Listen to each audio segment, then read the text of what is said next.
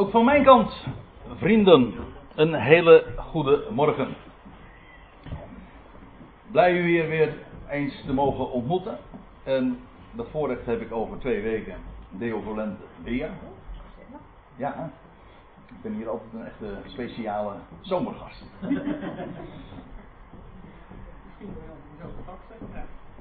Wie zal het zeggen?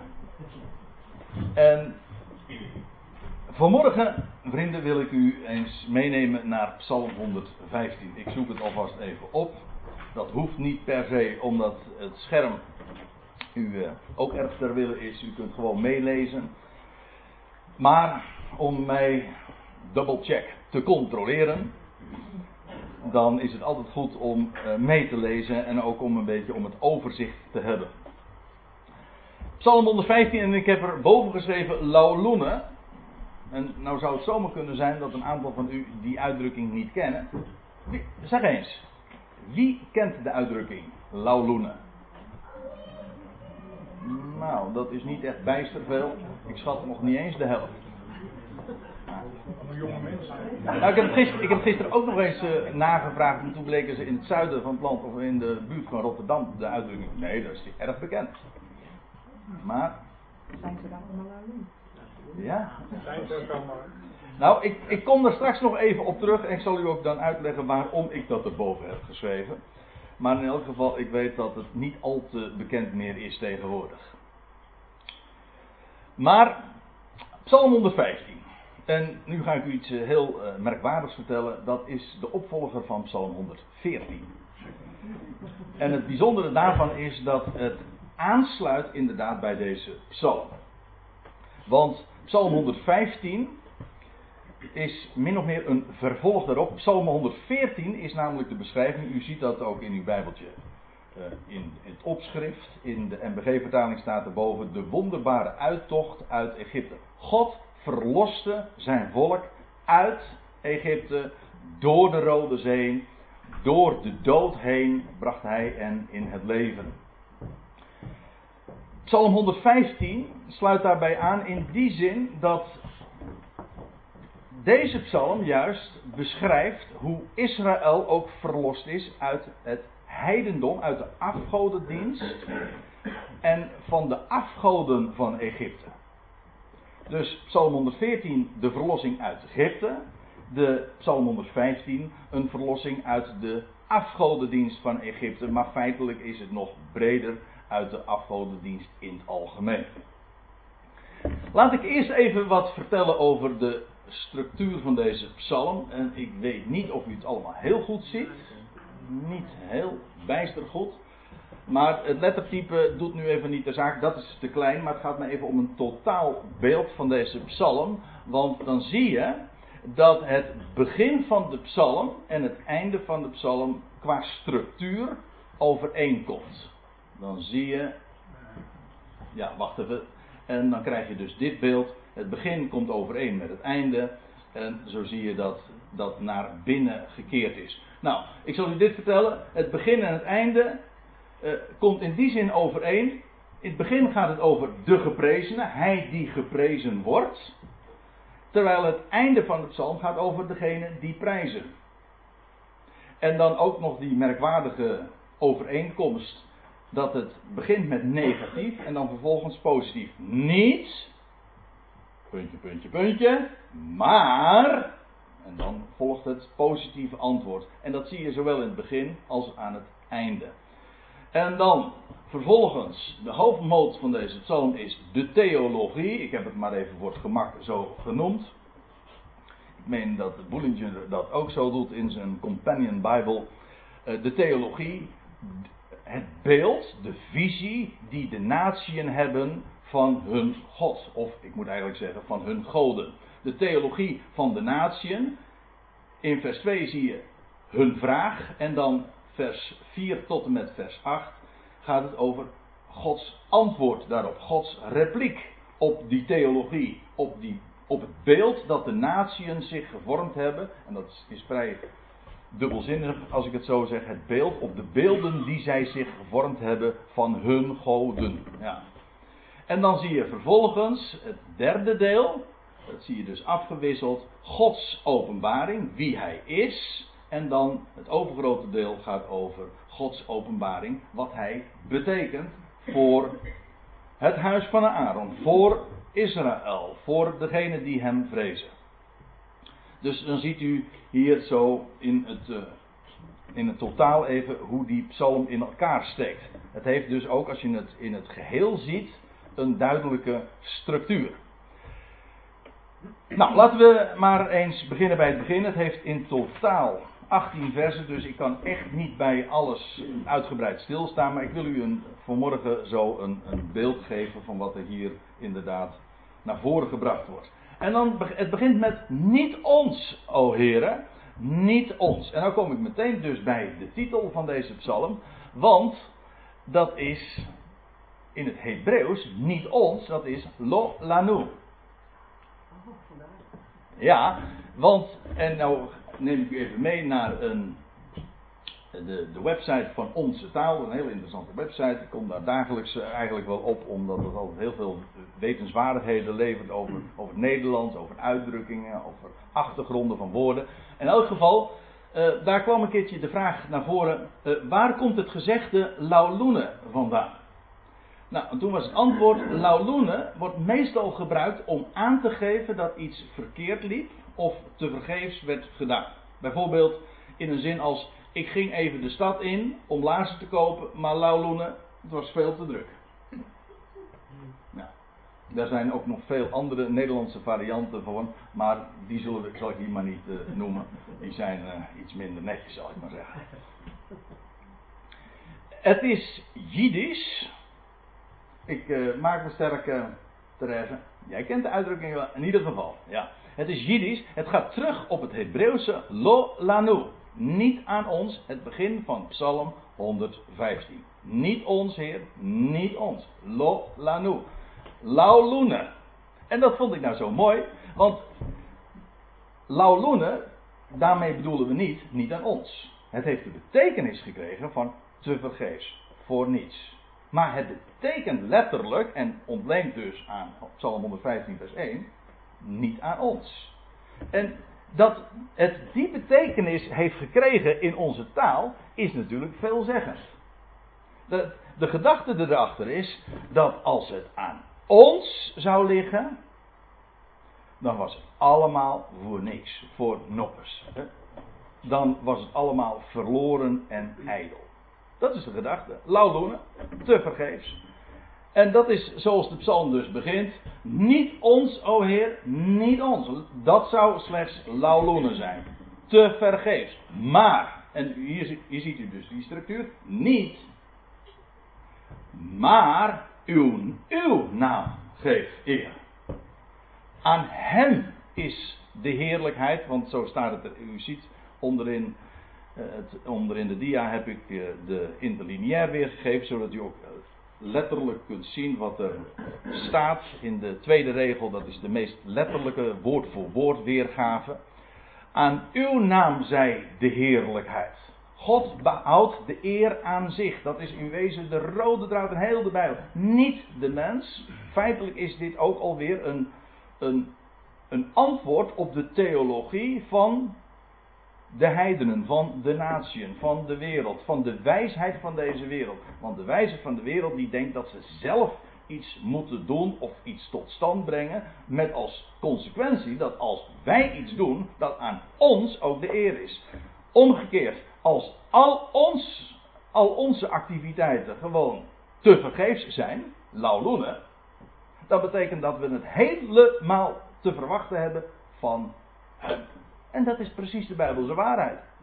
Niet aan de mens. Opdat alle roem zou zijn uitgesloten. Maar, gelijk geschreven staat, wie roemt, die roemen in hem. De mens, te vergeefs, lauwloenen. Uw naam geef eer, om uw goede tierenheid, om uw trouw. Uw goede tierenheid, dat betekent uw vriendelijkheid. En uw trouw, we hebben er zojuist ook over gezongen. Trouwens, dat gaan we straks ook nog doen. Over de trouw van God. God die zich houdt aan zijn woord. Als hij een belofte geeft, dan vervult hij dat Altijd en per definitie. En hij is getrouw. Zijn plannen falen niet, inderdaad. En hoe was het ook alweer? Onze hulp is in de naam van de Heer die trouw houdt en die nooit laat varen het werk van zijn handen. Dat is Gods trouw. Als hij met iets begint, dan voltooit hij dat. Hij neemt de tijd, hij heeft de tijd, hij maakt de tijd.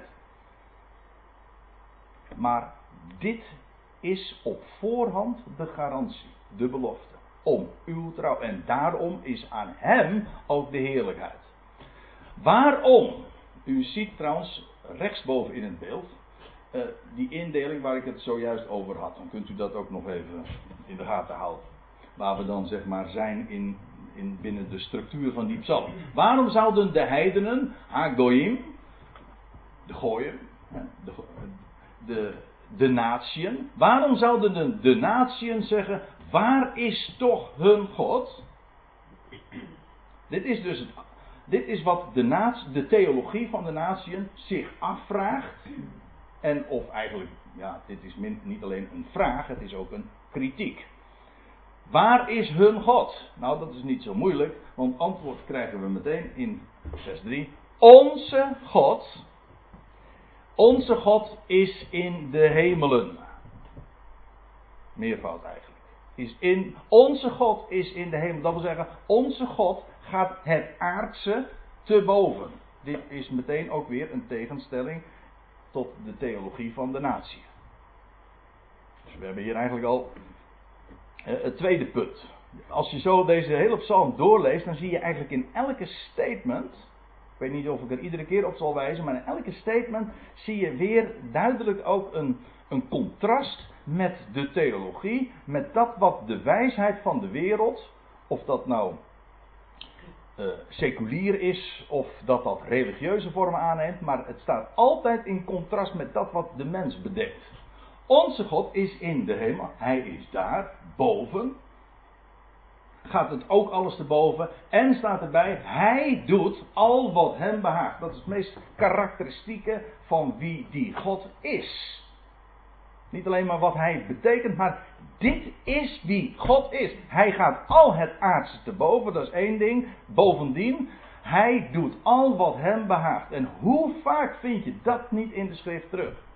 Ik wil u op één ding wijzen. Dat is het laatste hoofdstuk van het boek Job. Job 42. Nadat er heel veel gezegd is. En op een gegeven ogenblik gaat God aan het uh, woord komen. En wat God dan doet, is niet antwoorden geven op de vragen die gesteld zijn of uh, de kritiek uh, beantwoorden. Nee, hij, wat hij doet is wedervragen stellen. Hij stelt de mens, die ontmaskert hij, de mens die waanwijs is, die zet hij op zijn plek en zegt van, wat weten jullie nu zo al? Nou, het antwoord is niks. En in Job 42 dan lees je dat Job op een gegeven ogenblik, eh, nou op een gegeven ogenblik, om het eind, dan zegt hij, ik heb één keer gesproken, ik heb twee keer gesproken, maar ik doe het niet weer. Ik leg de handen op mijn lippen. En dan zegt hij, ik weet dat gij alles vermoogt. U doet al wat u behaagt en dat geen uw plannen wordt verijdeld. Als God iets zegt, maar daar hadden we het over, dan doet hij het. Als hij een plan heeft, een voornemen, volvoert hij dat naar, met een ander woord uit de psalmen, naar zijn gemaakt bestek. Naar het ontwerp dat hij zich gemaakt heeft. En als hij een hartsverlangen heeft, dan vervult hij het. En als hij wat uw liefde wil bewerken, hoe zegt het, de, het lied het ook weer? Wat uw liefde wil bewerken, ontzegt hem. Nou, het, is in, het wordt in de derde persoon gezegd. Wat wat zijn liefde wil bewerken, ontzegt hem zijn vermogen niet. Dat wil zeggen, hij wil het. Maar het is niet zo dat, dat er allerlei elementen zouden zijn die hem verhinderen om dat wat hij wil te volvoeren. Nee, Job kwam uiteindelijk tot de ontdekking dat uh, God alles vermoogt en dat geen van zijn plannen kan worden verijdeld. Oftewel, positief gezegd, het wordt vervuld zoals hij het zich heeft voorgenomen. En nou krijgen we het contrast. Dat heel expliciet hier in dit gedeelte dan begint. Hun afgoden, die van de Egyptenaren, maar die van de natie in het algemeen, zijn zilver en goud. Dat is misschien wel het meest uitgelezene wat je kunt bedenken. Zijn duur, kostbaar. Ze hebben er ook alles aan gedaan. Maar het blijft werk van mensenhanden. Precies het tegenovergestelde van wat de godheid werkelijk is. Namelijk, wij zijn werk van zijn handen. Maar deze goden zijn werk van hun eigen. Ze hebben het zichzelf gevormd. Een godsbeeld gemaakt. Kijk, je kunt je een godsbeeld maken in hout en steen. Of in goud en zilver. Maar je kunt je ook in abstracte zin een godsbeeld maken. Zo spreken wij daar nog steeds over. Over ons godsbeeld. Heb jij een, maak jij je een, een beeld van God? Nou, dat is niet te hopen. Want dan ben je dus op deze lijn. Als jij je een beeld van God maakt. Het punt is juist dat wij niet een beeld ons, van, ons een beeld van God maken. God heeft zichzelf een beeld gemaakt. Want hij is de onzienlijke God. Niet waar? Hij is de onzienlijke God en wij kennen hem in zijn beeld. Christus Jezus. En als we willen weten wie hij is, dan hoeven we niet te gaan bedenken, hoeven we niets te creëren, maar dan presenteert hij zichzelf. Hij openbaart zich. Hun afgoden zijn zilver en goud, het werk van mensenhanden. Zij hebben een mond, en nou krijgen we een hele een lijst van beschrijvingen van ja, wat ze wel hebben, maar wat niet functioneert. Zij hebben een mond, ja, natuurlijk, die kun je wel maken, maar ze spreken niet. Het, ze zijn dus met recht, letterlijk en figuurlijk, niets zeggend. Ze hebben ogen, ja, dat kan wel wezen, maar ze zien niets. Kortom, dan is het nog te vergeefs, lauw. Ze hebben oren, ja, die kun je wel geven, maar als ze niet luisteren, als ze niet kunnen horen, dan heb je er nog niks aan. Ik zal je, nog, ik zal eens wat eh, vertellen uit een andere psalm. En dat is Psalm 94. Dat vind ik een schitterend vers. Dat is zo'n geweldige logica. Als je nou de vraag stelt van ja, uh, over, over God, dan, dan vind je op andere plaatsen natuurlijk ook die logica zo schitterend beschreven. Ja, natuurlijk. Alles getuigt, de schepping getuigt van een schepper. En het ontwerp getuigt van een ontwerper. Wel, en dan zegt Psalm 94, vers 9: Zou hij die het oor planten, dat zo ingenieus in elkaar zit, waarvan de wereld dan ons wil laten geloven dat het allemaal vanzelf ontstaan is uit een knal. Ja, sorry, eh, wij missen gewoon het geloof om dat aan te aanvaarden. Dat is absurd, dat is bizar. Maar zou hij, die het oor planten, zelf niet horen? Of zou hij die het oog vormde, misschien nog ingenieuzer, ik weet niet of ik dat zo in zulke vergelijkende termen kan zeggen. Maar al die, die zintuigen, zou hij die dat gemaakt, ons gaf, dat bedacht heeft, zo geweldig. Zou hij die dat gemaakt heeft, ons gaf, Ziet u ook het contrast? Niet wij maken God, God maakte ons. Hij bedacht zijn schepsel. En hij maakte het, hij vormde het zich. En hij gaf de, uh, het, de mens een oor om te horen. Of hij het altijd doet, dat is nog een andere vraag, maar goed. Hè. En zou hij die oog zelf niet zien? Is schitterende logica. Zou hij die voor ons het vermogen gaf om lief te hebben, zelf niet lief hebben? Je kan het aanvullen. Maar goed, dit is wat de psalmist zegt. Ik ga weer even terug naar Psalm 115. Uh, eh, over die afgoden. Over die beelden die zij zich hebben gemaakt. Ze hebben een neus, maar ze ruiken niet. Ze, hun handen, ja, maar ze tasten niet. Ze maken niks. Ze kunnen ook niks maken. Je hebt er een prachtig eh, beeld van. En daar heb ik ooit jaren geleden hier op deze plaats een keer over gesproken. En dit is die, die geschiedenis. Ik vind het ja, ik weet niet of ik het zo mag zeggen, maar een van de mooiste geschiedenissen van dat de ark gebracht wordt. Dat de, ark is buitgemaakt, ja. Uh, de ark is buitgemaakt door uh, de Filistijnen. En, op, en, die, en die wordt dan gebracht in de tempel van Dagon. Weet u nog? En dan lees je dat ze. De volgende dag komen ze daar in, hun heiligdom. En dan zien ze dat die van zijn sokkel is gevallen. En op de derde dag. Betekent verder niks hoor. Maar op de derde dag lees je dat hij dan uh, weer op zijn. Want ze hadden hem overeind gezet. U leest het ergens in 2 Samuel. En dan lees je dat hij overeind gezet is. Nee, ja, en, en, vervolgens komen ze daar weer op de derde dag. En dan lees je dat hij uh, onthand is. Letterlijk. Dat hij zijn handen en zijn. Uh, hoe was het? Nou, in ieder geval, zijn ledematen was hij kwijt. Die waren, was afgebroken. Wat ze er toen vervolgens mee gedaan hebben, waarschijnlijk weer in elkaar gezet en gelijmd en zo. Maar dat lees je dan. Nou, kijk, dat is nou, dat zijn de goden. Ze hebben handen, maar ze tasten niet. Hun voeten, maar ze gaan niet. Ze geven geen geluid met hun keel. En dan, wie hen maakte, die zullen worden als zij zelf. Ieder die op hen vertrouwt. Dat wil zeggen, niks. Te vergeefs. Lauloenen. Dat is het. Het is trouwens ook mooi. Ik vertel u zo juist wat over die structuur in zijn totaliteit. Maar als je nou even dat ene gedeelte neemt, wat we nu even behandeld hebben, vers 4 tot en met 8. Ik noemde dat B2. Laten we dat eens eventjes bezien. Dan zie je daar een prachtige inversiestructuur weer. Dat wil zeggen, het keert zich naar binnen toe. Uh, ja, op deze manier. Dus zoals ik het hier heb afgebeeld. Dan zie je dit. Dit is dus dat uh, gedeelte B2. Nou, en dan zie je dat het begin overeenkomt met het einde. Dat wil zeggen, hier gaat het over de afgoden en hier gaat het over de afgodendienaars. En dan in het tweede zinsdeel gaat het over hun maaksel en hier over hun makers. Zo, vanaf vers 5, in dat eerste zinsdeel gaat het over hun mond. En hier in het laatste zinsdeel van vers 7 over hun keel. U ziet het, het keert zich zo naar binnen. Over hun ogen en hun voeten. Hun oren, hun handen. En dan tenslotte, het binnenste, over hun neus. Je krijgt trouwens ook nog eens enkelvoud, en dan meervoud, meervoud, enkelvoud. Schitterende structuur.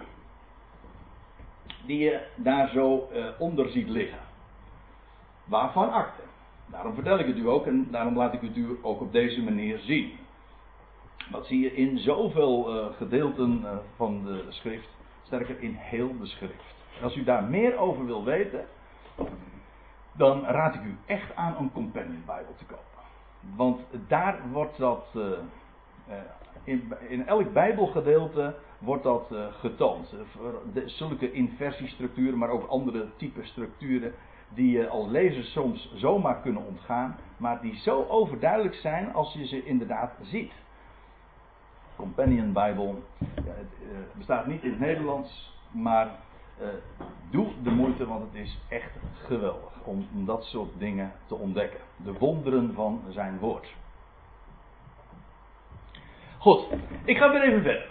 Psalm 115, uh, eh, vers 9 zijn we inmiddels. En nu krijgen we weer een nieuw gedeelte. We hadden het over de afgoden en, en hun dienaren. Allebei niks. En dan staat er Israël, het volk dat God zich verkoren had. Om een koninkrijk van priesters te zijn te midden van de volkeren. Ja, maar hij heeft hen getrokken uit Egypte, verlost door de Rode Zee, door de doodswateren heen. En dan wordt er gezegd: Israël, vertrouw op Yahweh. Want, en dat is een, een refrein dat eh, in het vervolg nog veel vaker zal klinken.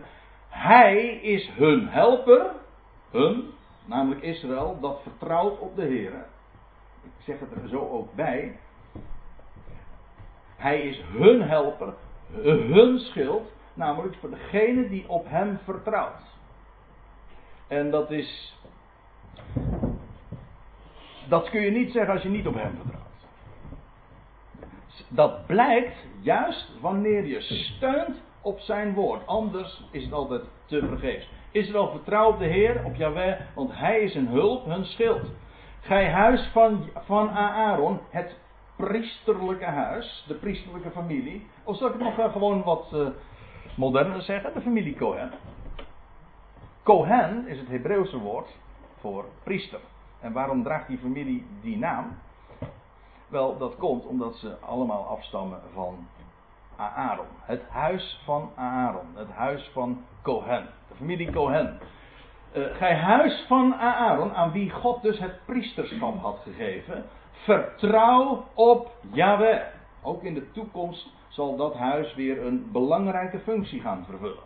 In, het toekomende, in de toekomende aion. Gij huis van Aaron vertrouwt, steunt op hem. U ziet het, het is vertrouwen. Het is niet een kwestie van maken. Dat is wat die afgodendieners, die, die maken dingen. Die zijn wel heel druk in de weer, maar dat schiet niet op. Er is er maar één die, die doet. En die gaat. En die ziet. En die hoort. En die handelt. En daarom steun op wat hij verklaart en zegt. Hij is hun helper, dat wil zeggen hij voorziet. Hij geeft dat wat nodig is en bovendien is hij hun schild. Hij beschermt hen. En als je op hem vertrouwt, kom je daar nooit, nooit, nooit bedrogen mee uit. Want ik weet, het gaat hier over het huis van Aaron, maar het wordt, uitgebreid. Het is namelijk een universeel principe. Wie op hem zijn vertrouwen stelt, ik citeer nu een woord van Paulus, de apostel van de natie. Hij zegt, wie op hem zijn vertrouwen stelt, nee, hoe staat het er? Hij, eh, hij die zijn vertrouwen, zijn geloof vestigt op hem, zal niet beschaamd uitkomen. Romeinen 10. Nooit. Daarom, dat evangelie beschaamt ook niet. Wij zeggen dan van, we beschamen ons het evangelie niet, dan is het onze activiteit. Nee, het evangelie beschaamt ons niet. Maar goed, laten we bij Psalm 115 blijven. Gij huis van Aaron, vertrouw op Yahweh. Hij is hun hulp en hun schild. Gij die de Heere vreest. Nu wordt de kring heel breed. Dus gewoon in het algemeen. wordt niet eens nu bepaald uh, bij het huis van Israël. Maar gewoon ieder die de Heer, die Yahweh vreest. Dat wil zeggen ontzag heeft voor hem. En ziet wie hij is. Dat woord vrezen heeft alles te maken, is nog weer afgeleid van een stam van een woord dat te maken heeft met zien. De Heere, Yahweh vrezen, dat is zien wie hij is. Gij die Yahweh vreest, vertrouw op hem. Je hebt ontzag van hem, maar steun ook gerust op hem. Hij is hun hulp. Helper en hij is hun schild, hun beschermer.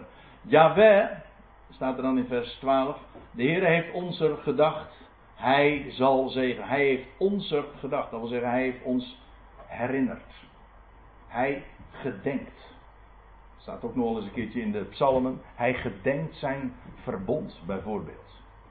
Dat hij Israël verloste uit Egypte was omdat God gedacht.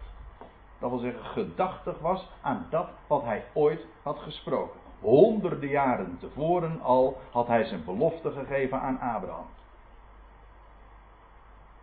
En hij heeft zijn belofte vervuld. Hij maakt waar wat hij zegt. Hij gedacht, dat is ook weer die trouw van God waar we het in het begin over hadden. Hij gedenkt ons. Waarom? Wel, hij heeft gesproken. En hij had hen verkoren. En de Heer heeft ons, dat gaat het hier specifiek natuurlijk over het huis van Israël. Hij zal ook zegenen. Maar dat is precies toch wat de Heer had, had beloofd aan Abraham. Ik zal u stellen, ik zal u zegenen. En middels u, in u en in uw zaad. En Paulus zegt dan, ja, zaad, enkelvoud, als Christus. En in u en in uw zaad zal ik alle geslachten van de aardbodem zegenen. Genesis 12, vers 3. Hij zal zegenen. Niet, het is niet eens een, het is geen wens, het is een voorzegging. God voorzegt dat. Waarom? Hij, hij doet alles wat hem behaagt en hij is trouw aan zijn woord. Dus dat dit waar is, kan niet missen. Hij zal ook zegenen. Hij zal zegenen het huis van Israël.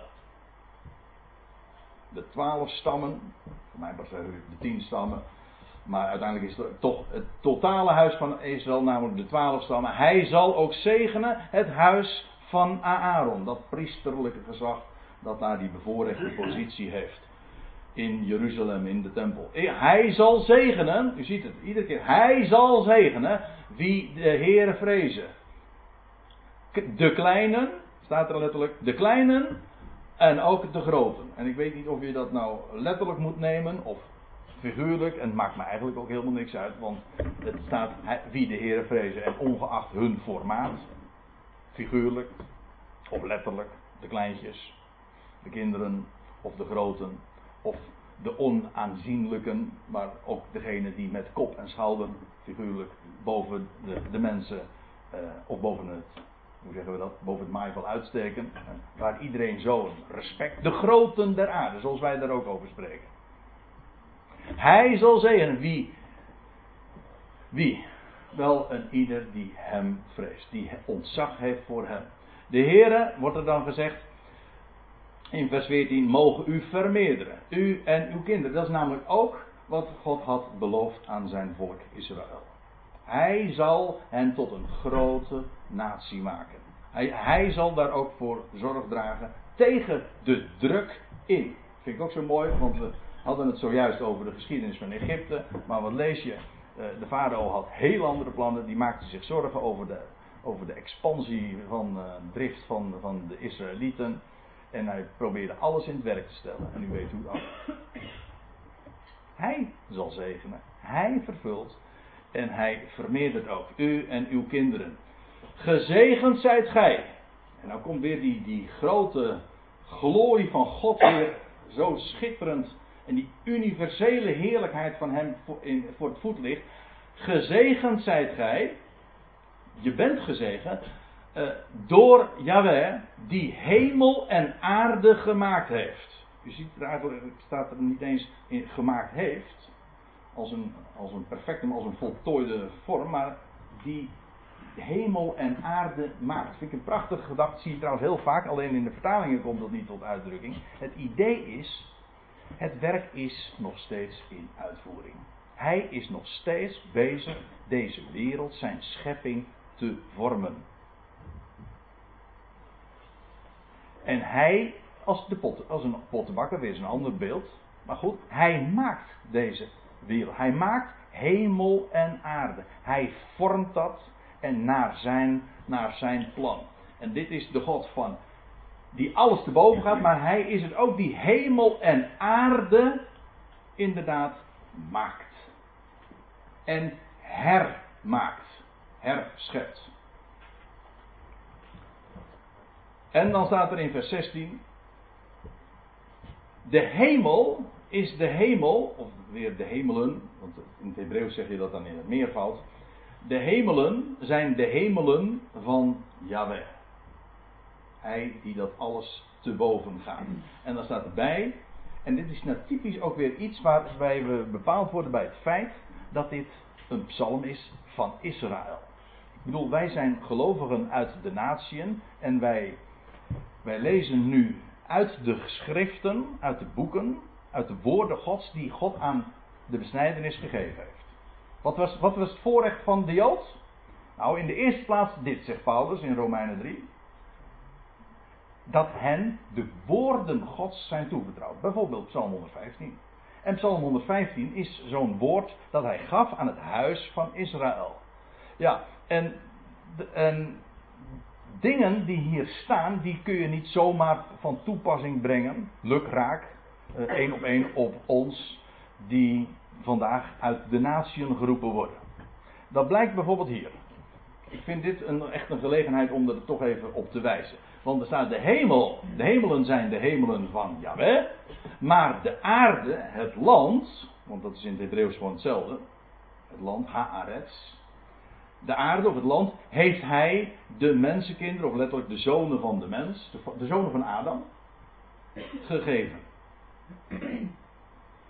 Ja. Nou, voor Israël is dat in het eh, algemeen waar. En trouwens, niet alleen voor Israël, in het algemeen is dit zo. Maar ik zal u vertellen, er zijn uitzonderingen. En ik durf te zeggen, ik hoor bij die uitzonderingen. En ik weet dat er meer mensen zijn die uh, dat durven te banen. Want u weet, hoe was het ook alweer? Dat is een, trouwens ook zo'n Bijbels principe. Het eerstgeborene, al het, e- de eerstelingen, die zijn voor hem. Die, zijn die krijgen de hoogste bestemming. En wat, wat weten wij uit de brieven van de apostel Paulus? Nou, uh, Ron die citeerde al eerder Efezebrief. Uh, hij die ons, we zijn gezegend in Christus Jezus met alle geestelijke zegen in de hemelse gewesten. Of Andere vertaling, te midden van de hemelingen of te midden van de hemelsen. Zo staat het er eigenlijk. Te midden van de hemelsen, daar. In Christus. En waar Hij is, daar zijn zij die in Christus zijn. Logischerwijs. Daar is ons leven. Dus wat hier staat, de aarde heeft Hij de mensenkinderen gegeven. Dat is waar. Maar er is een volk. Er zijn uitgeroepenen. Degene die hij zich, dat lichaam dat hij zich vandaag vormt, die heeft de hoogste bestemming, namelijk daar, boven. Staat dat in Psalm 115? Nee, dat staat daar juist niet. In Psalm 115 is dat verborgen. Dat is waar. Maar niettemin weten we dit. En het bepaalt ons trouwens des te meer bij het uitzonderlijke voorrecht dat ons als lichaam van Christus is toebedeeld. Maar het, uh, de aarde heeft hij de mensenkinderen gegeven. Dat is in het algemeen de waarheid. En dan staat erbij. In vers 17. We naderen nu al het slot van de psalm. En dit is trouwens ook weer zo typisch. Uh, een woord waarbij een contrast getekend wordt bij de theologie van de natie. Want dit, zou de, dit zegt heidense filosofie en heidense religie niet. Ik moet erbij zeggen, christelijke religie ook niet. Maar eigenlijk zeg ik niet, uh, sluit ik dat er gewoon dus bij in. Ik zal u dit, er staat dit. Niet de doden zullen de Heer loven, zullen Yahweh prijzen. Niemand van wie in de stilte zijn neergedaald. Trouwens, als je de psalmen doorleest, dan zie je dat heel, heel vaak. Psalm 16 herinner ik me dat er ook staat: niet de heren zullen prijzen, niet degene die in het graf zijn neergedaald. Nee. En hier dus ook zo'n duidelijke uitspraak: niet de doden zullen de heren loven. Nee, waarom? Nou, dan geeft uh, Salomo, om maar wat te noemen, het laconieke antwoord in hoofdstuk 9, vers 5. De doden weten namelijk niks. Er is geen werk of arbeid of gedachtenis of plannen, hoe staat het er? Er worden een hele rits activiteiten genoemd en staat het is niet in het dodenrijk. Waarom? Nou, de doden zijn dood. Er is wel hoop, natuurlijk, maar die hoop is altijd in de Bijbel verbonden aan opstanding. Aan, nieuw aan het ontvangen van nieuw leven, opwekking. Daardoor is nieuw leven. Niet de doden. Ik weet, uh, de heidense filosofie en heidense theologie zegt een dood is niet echt dood, eigenlijk, je leeft gewoon verder. Dat is het idee. Dood is niet dood, dood is leven. En dood is een andere vorm van leven. Dat wil zeggen, uh, Plato zei, de mens heeft een onsterfelijke ziel. Dat zei Plato, in de Bijbel zult u het niet terugvinden. Daar lees je de ziel die zonder die sterft.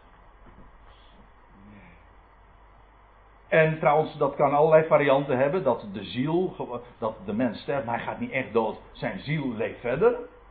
Vindt u in de schrift niet terug. Wat je ook niet vindt, wat natuurlijk ook een groot gedeelte van de filosofie van de mens is, is dat de mens niet doodgaat, maar hij leeft verder uh, via een reïncarnatie. Dan gaat de mens ook niet echt dood. Dat wil zeggen, hij reïncarneert, hij wordt weer vlees in een andere verschijning. Dan moet je wat verder van huis, maar er zijn tegenwoordig heel wat mensen, ook in ons lieve vaderland, die uh, dezelfde meningen zijn uh, toegedaan. Maar in al die gevallen zijn de doden niet echt dood. Wel, niet, de psalmist zegt, niet de doden zullen de Heer loven. Het is dus niet zo van, oh, ze prijzen nu de Heer. Nee, niet de doden zullen de Heer prijzen. Niemand van wie in de stilte zijn neergedaald. Maar, Kijk, en hier, ik, zei u aan het begin al, die structuur, hè, van het begin aan het eind. Nou, dat begint negatief en eindigt dan positief.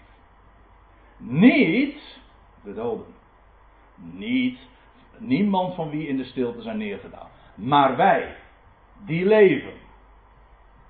En ook wij die zullen leven in de opstanding, maar dat is niet expliciet wat hier naar voren gebracht wordt. Maar wij, wij zullen Yahweh prijzen van nu aan tot in, ja ik heb uh, dat woordje eeuwigheid maar weggekrast of uh, doorgestreept.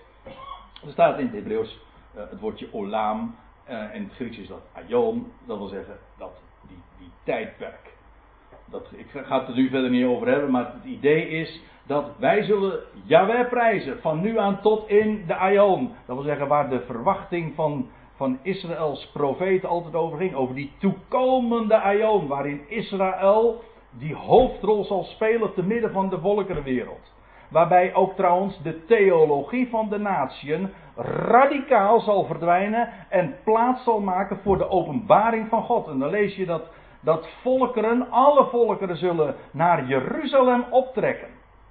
En ze zullen zeggen: laat ons opgaan naar het huis van Jacob, naar het huis van Israël. Om onderwezen te worden door, door hem. Want van, Is, van Zion zal de Torah uitgaan en van Jeruzalem des Heren woord. Schitterende, schitterende voorzeggingen. Met een geweldige vrede. Dan zullen de, de, de wapens, hoe staat het er? De, tot ja, maar wat? Uh, speren, ja, zwaarden en speren. Ja, ik zat even te denken. Zwaarden en speren zullen worden omgesmeed tot ploegscharen. Dat wil zeggen, al dat oorlogstuig, en ik weet niet wat ik met oorlogstuig, of ik dan aan mensen moet denken, of aan alles wat ze maken. Nou ja, laten we, laten we het maar even zo dubbelzinnig houden. Al dat, al dat oorlogstuig, dat is dan voorbij. Vrede. Daar ook in dat Midden-Oosten.